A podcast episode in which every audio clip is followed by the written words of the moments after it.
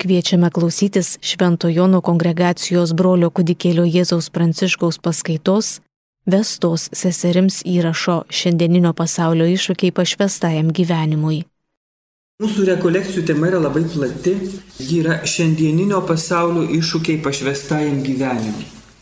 Kadangi jinai labai plati, aš labai džiaugiuosi, nes galiu tada kaip žuvis vandenį nardyti nuo vieno krašto iki kito. Ir mes, aišku, paliesim daugybę tų iššūkių, Ir pradėsim pačiu didžiausiu. Didžiausias šio laikinio pasaulio iššūkis pašvestam gyvenimui yra tylos ir triukšmo klausimas. Nes mūsų pasaulis yra vis triukšmingesnis. Ir triukšmauja per visur, kur tik tai gali. Per radiją, per televiziją, vis daugiau skrenda lėktuvų, bent jau čia virš Vilniaus. Ir vis daugiau mašinų, ir viskas ūžia, ir dunda, ir burzgia, ir traška Visur yra triukšmas. Aplink mus supančiame pasaulyje.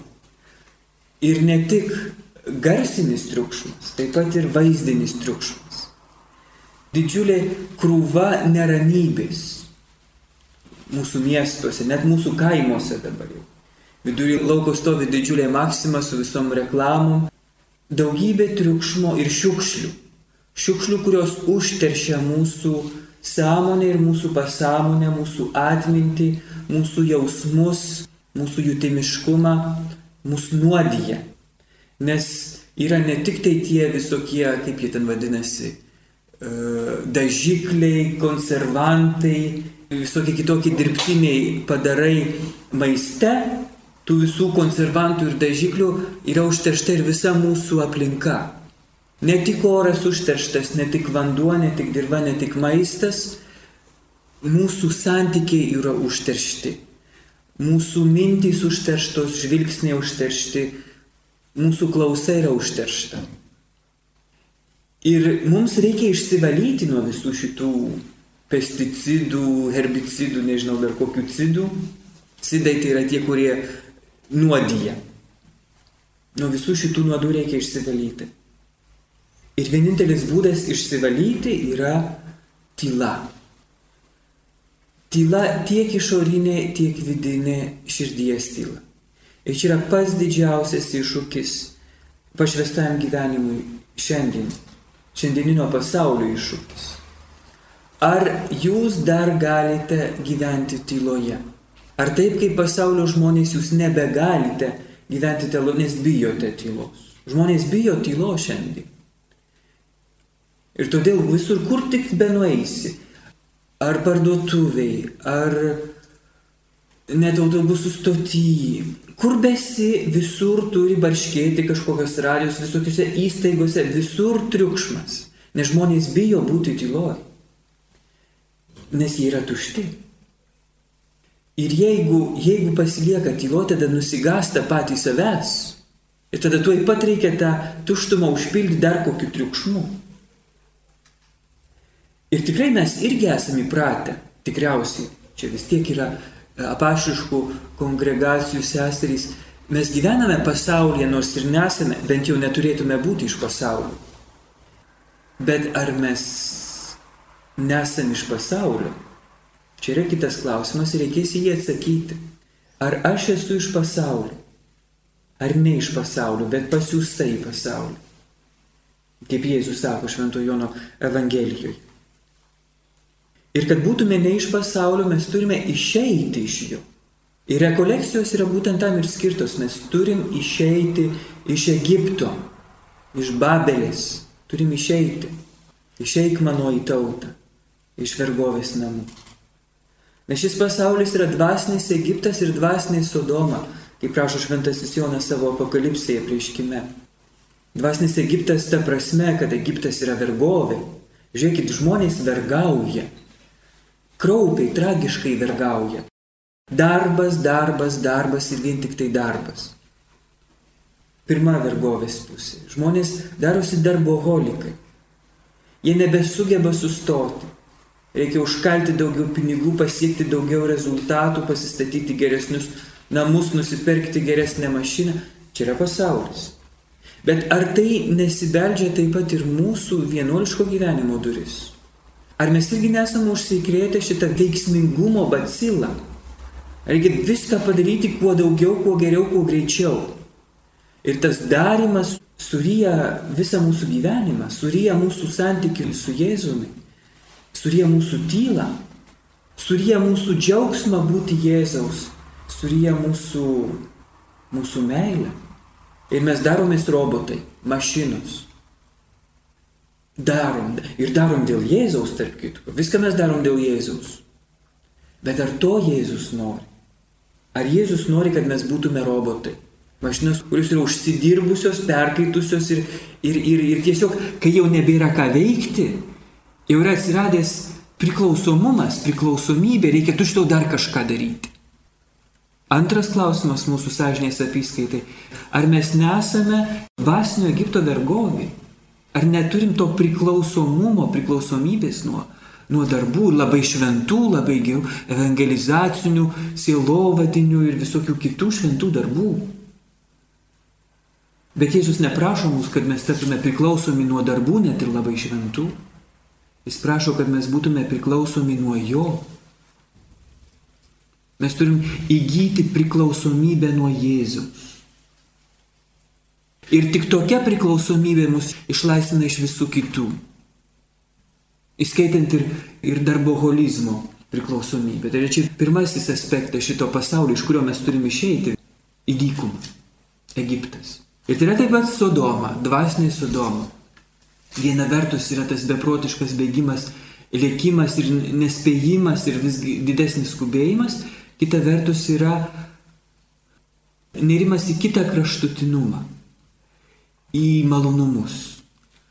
Kadangi per visą savaitę yra įtampa, greičiau, greičiau, greičiau, greičiau, greičiau, atėjus savaitgaliui, tada puolama į kitą kraštutinumą. Nuimkim taip labai jau stačiokiškai ir baisiai, bet tai yra gyvenimo realybė, su kuria jūs tikriausiai net kiekvieną dieną susidurėte alkoholizmas, narkotikai, pornografija ypač jaunimo tarpe per internetą, priklausomybė nuo televizijos, absoliučiai debilinančių žaidimų ir visiškai plokščių laidų. Yra daugybė va, tos dvasinės sodomos pusių, kur irgi pasaulis pavergia žmonės. Kadangi per visą savaitę yra persitempę, Tai paskui tada puola į kitą kraštutinumą, reikia persipalaiduoti. Ir tada visai nusipalaiduoja. Ar nėra šitokio pavojaus ir mūsų gyvenime? Ar nėra taip, kad mes vienuolės, vienuoliai pašaukti gyventi tam tikrų ritmų, kuris išreiškia tvarką, išminties tvarką, dieviškosios išminties tvarką? Ar nėra taip, kad tas mūsų ritmas irgi yra išbalansuotas? Ir nebesijaučia mūsų gyvenime tos dieviškosios išminties ritmo? Ar nėra taip, kad mes persitempiame dirbdami ir paskui persipalaiduojame vis labiau suteikdami savo galimybę atsipalaiduoti ir vis labiau atsipalaiduoti ir visai nusipalaiduoti gal jau dalykais, kurie nebeturi nieko bendra su vienuolišku gyvenimu?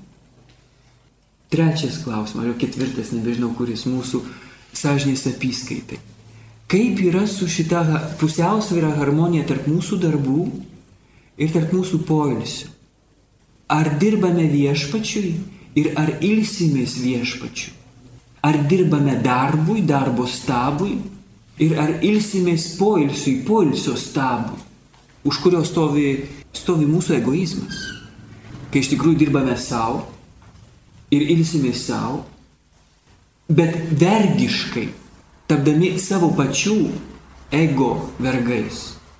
Ir būtent iš šitos vergijos viešpas nori mus išvesti iš Egipto, iš vergovės namų ir iš dvasinės sodomos.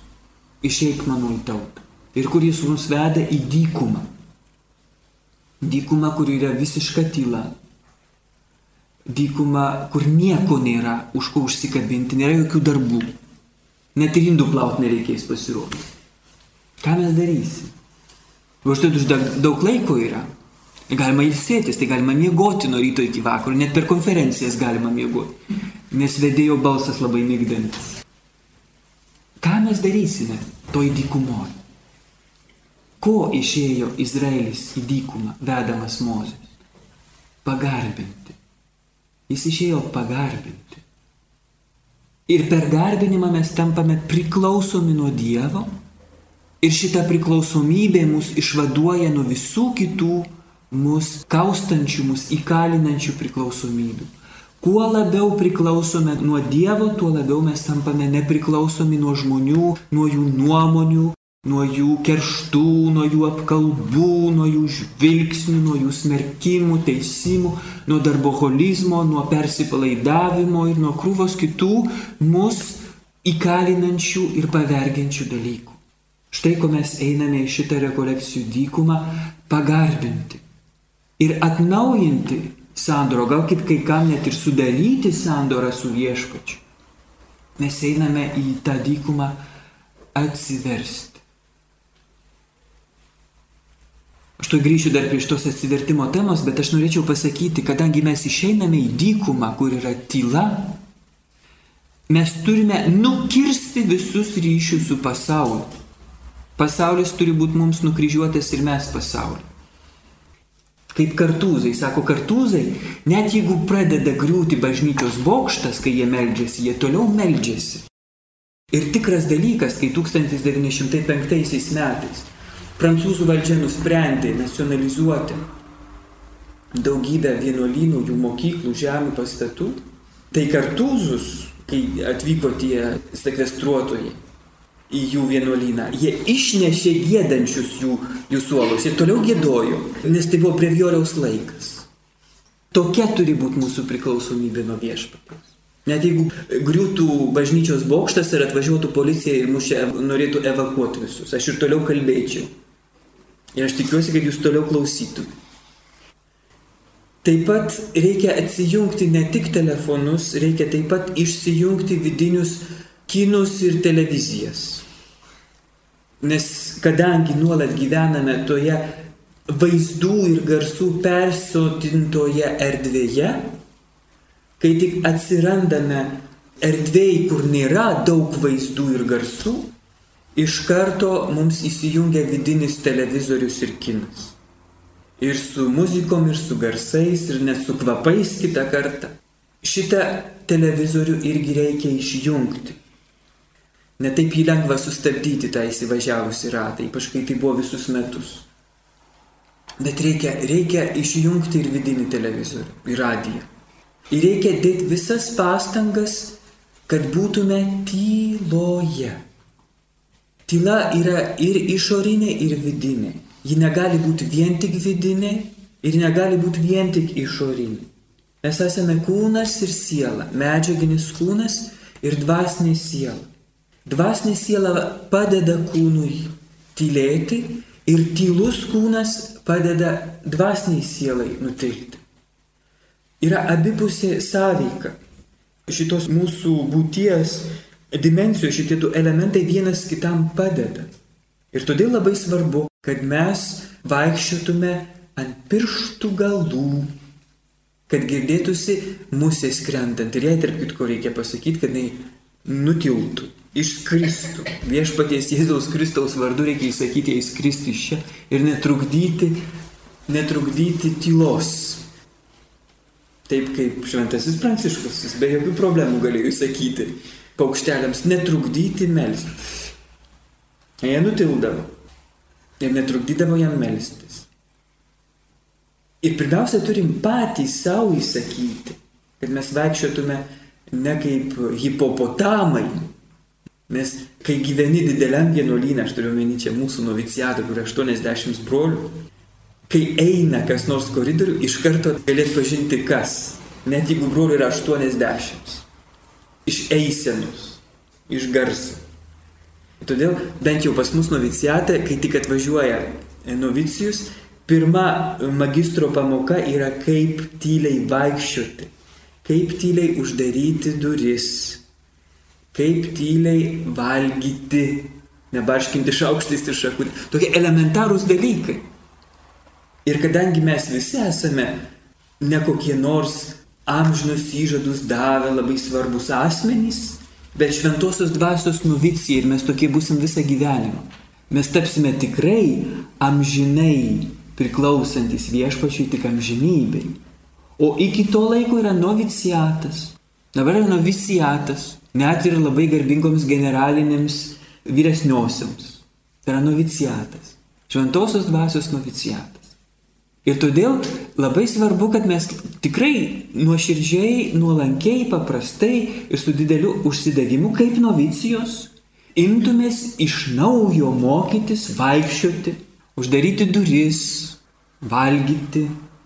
Ir tai yra baisiai sunku, kokiai nors jau 50 metų išbuvusiai vienuolynė sesutė, kuri viską žino ir nieko naujo jinai nebeišmoks, nes jinai viską žino. Ne, ne, ne, ne. Žinot, yra toksai šventasis Maksimas išpažinėjas danguje, aš nesakau buvo, nes jis yra. Jis dar labiau yra negu tada, kai buvo žemė. Jis yra pasakęs tokią labai nuostabią mintį. Jis sako, kai novicijus yra užsidegęs ir uolus, tai yra visiškai normalus dalykas. Novicijus, kuris nėra užsidegęs ir uolus, yra blogas novicijus, reikia kuo greičiau išvaryti iš vienuolynų. Bet kai novicijus užsidegęs ir uolus, tai yra normalus dalykas. Bet kai senas vienuolis yra užsidegęs ir uolus, čia tai jau yra šventumas.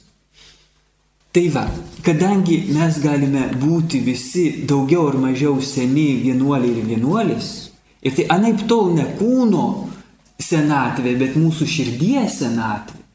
Nes gali būti kokia nors novicija, šešis mėnesius pabuvusi vienuolinė ir jau su tokia sena širdimi, kad viskas jau čia atsibodę ir monotoniška, ir nuobodu, ir pilka, ir tuščia, ir, ir ko aš čia sėdžiu, tai yra dvasinės širdies senatvės labai ryškus požymiai. Ir gali būti kita sesutė 95 metų, paskui kurią visas noviciatas nespėja, nes jo širdis yra jauna.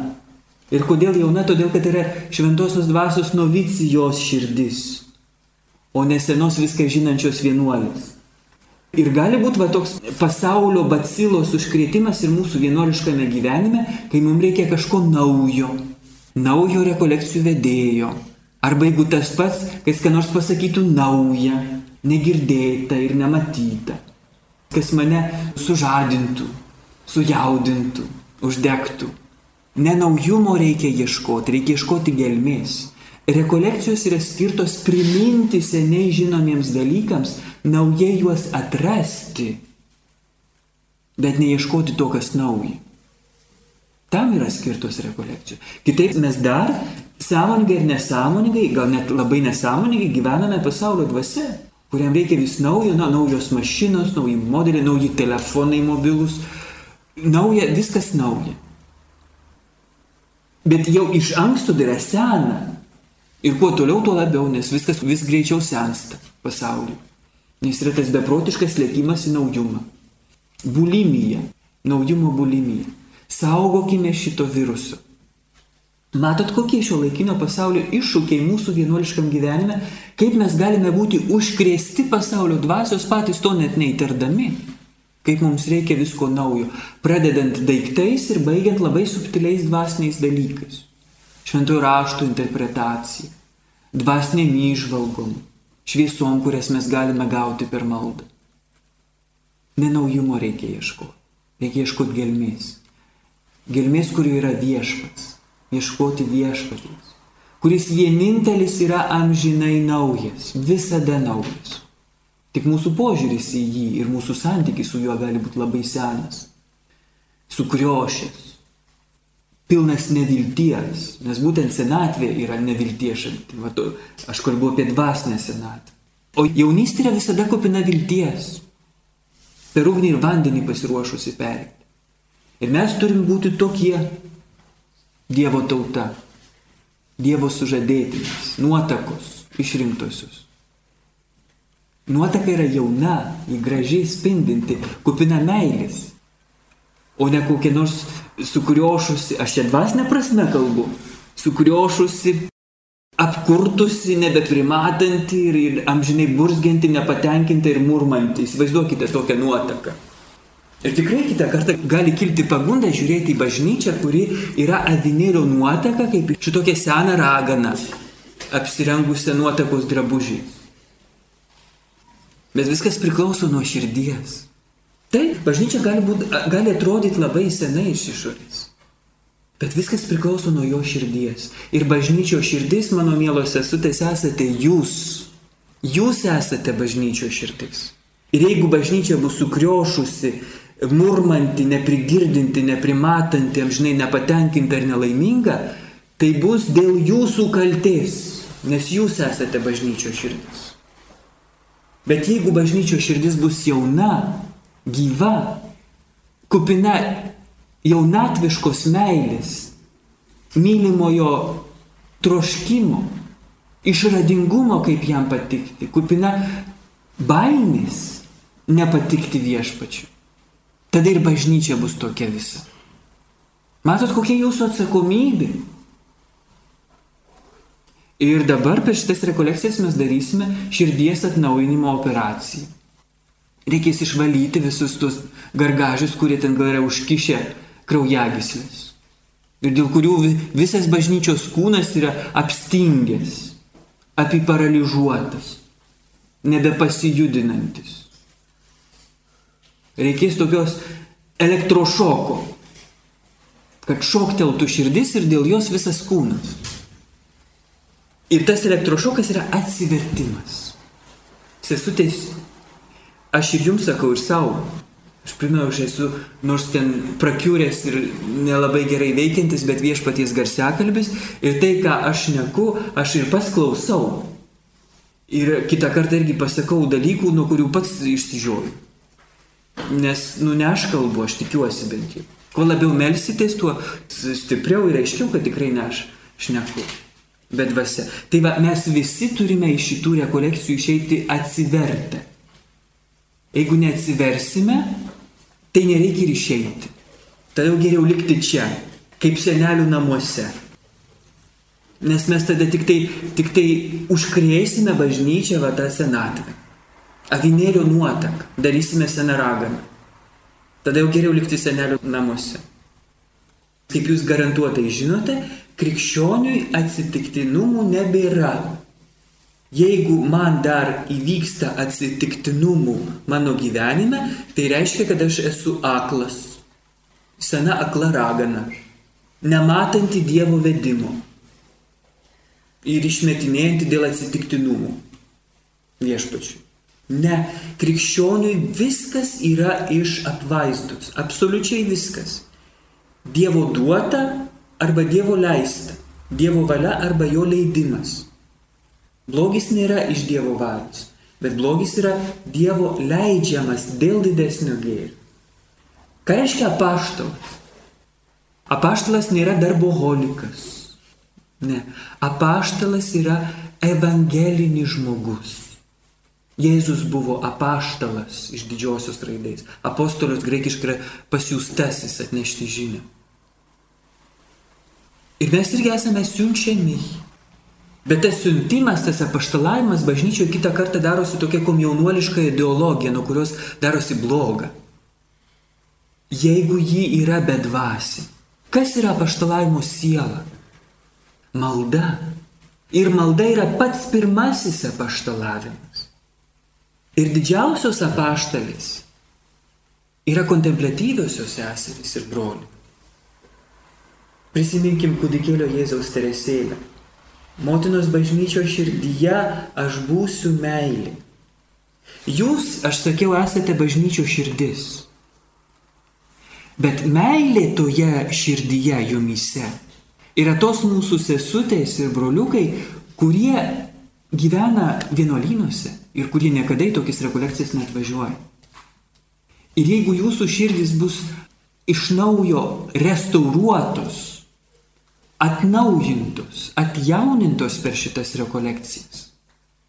Tai yra pirmiausia dėl, dėl jų maldos. Nes jie yra pirmieji apaštalai. Dėl jų meilės.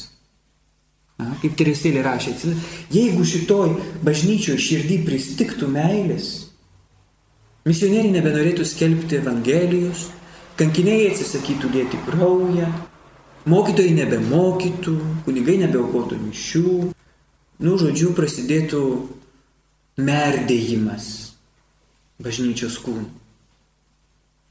Bet ir mes patys turime privalomą melstis. Žinoma, už mus meldžiasi mūsų broliai seserys kontemplatyvai.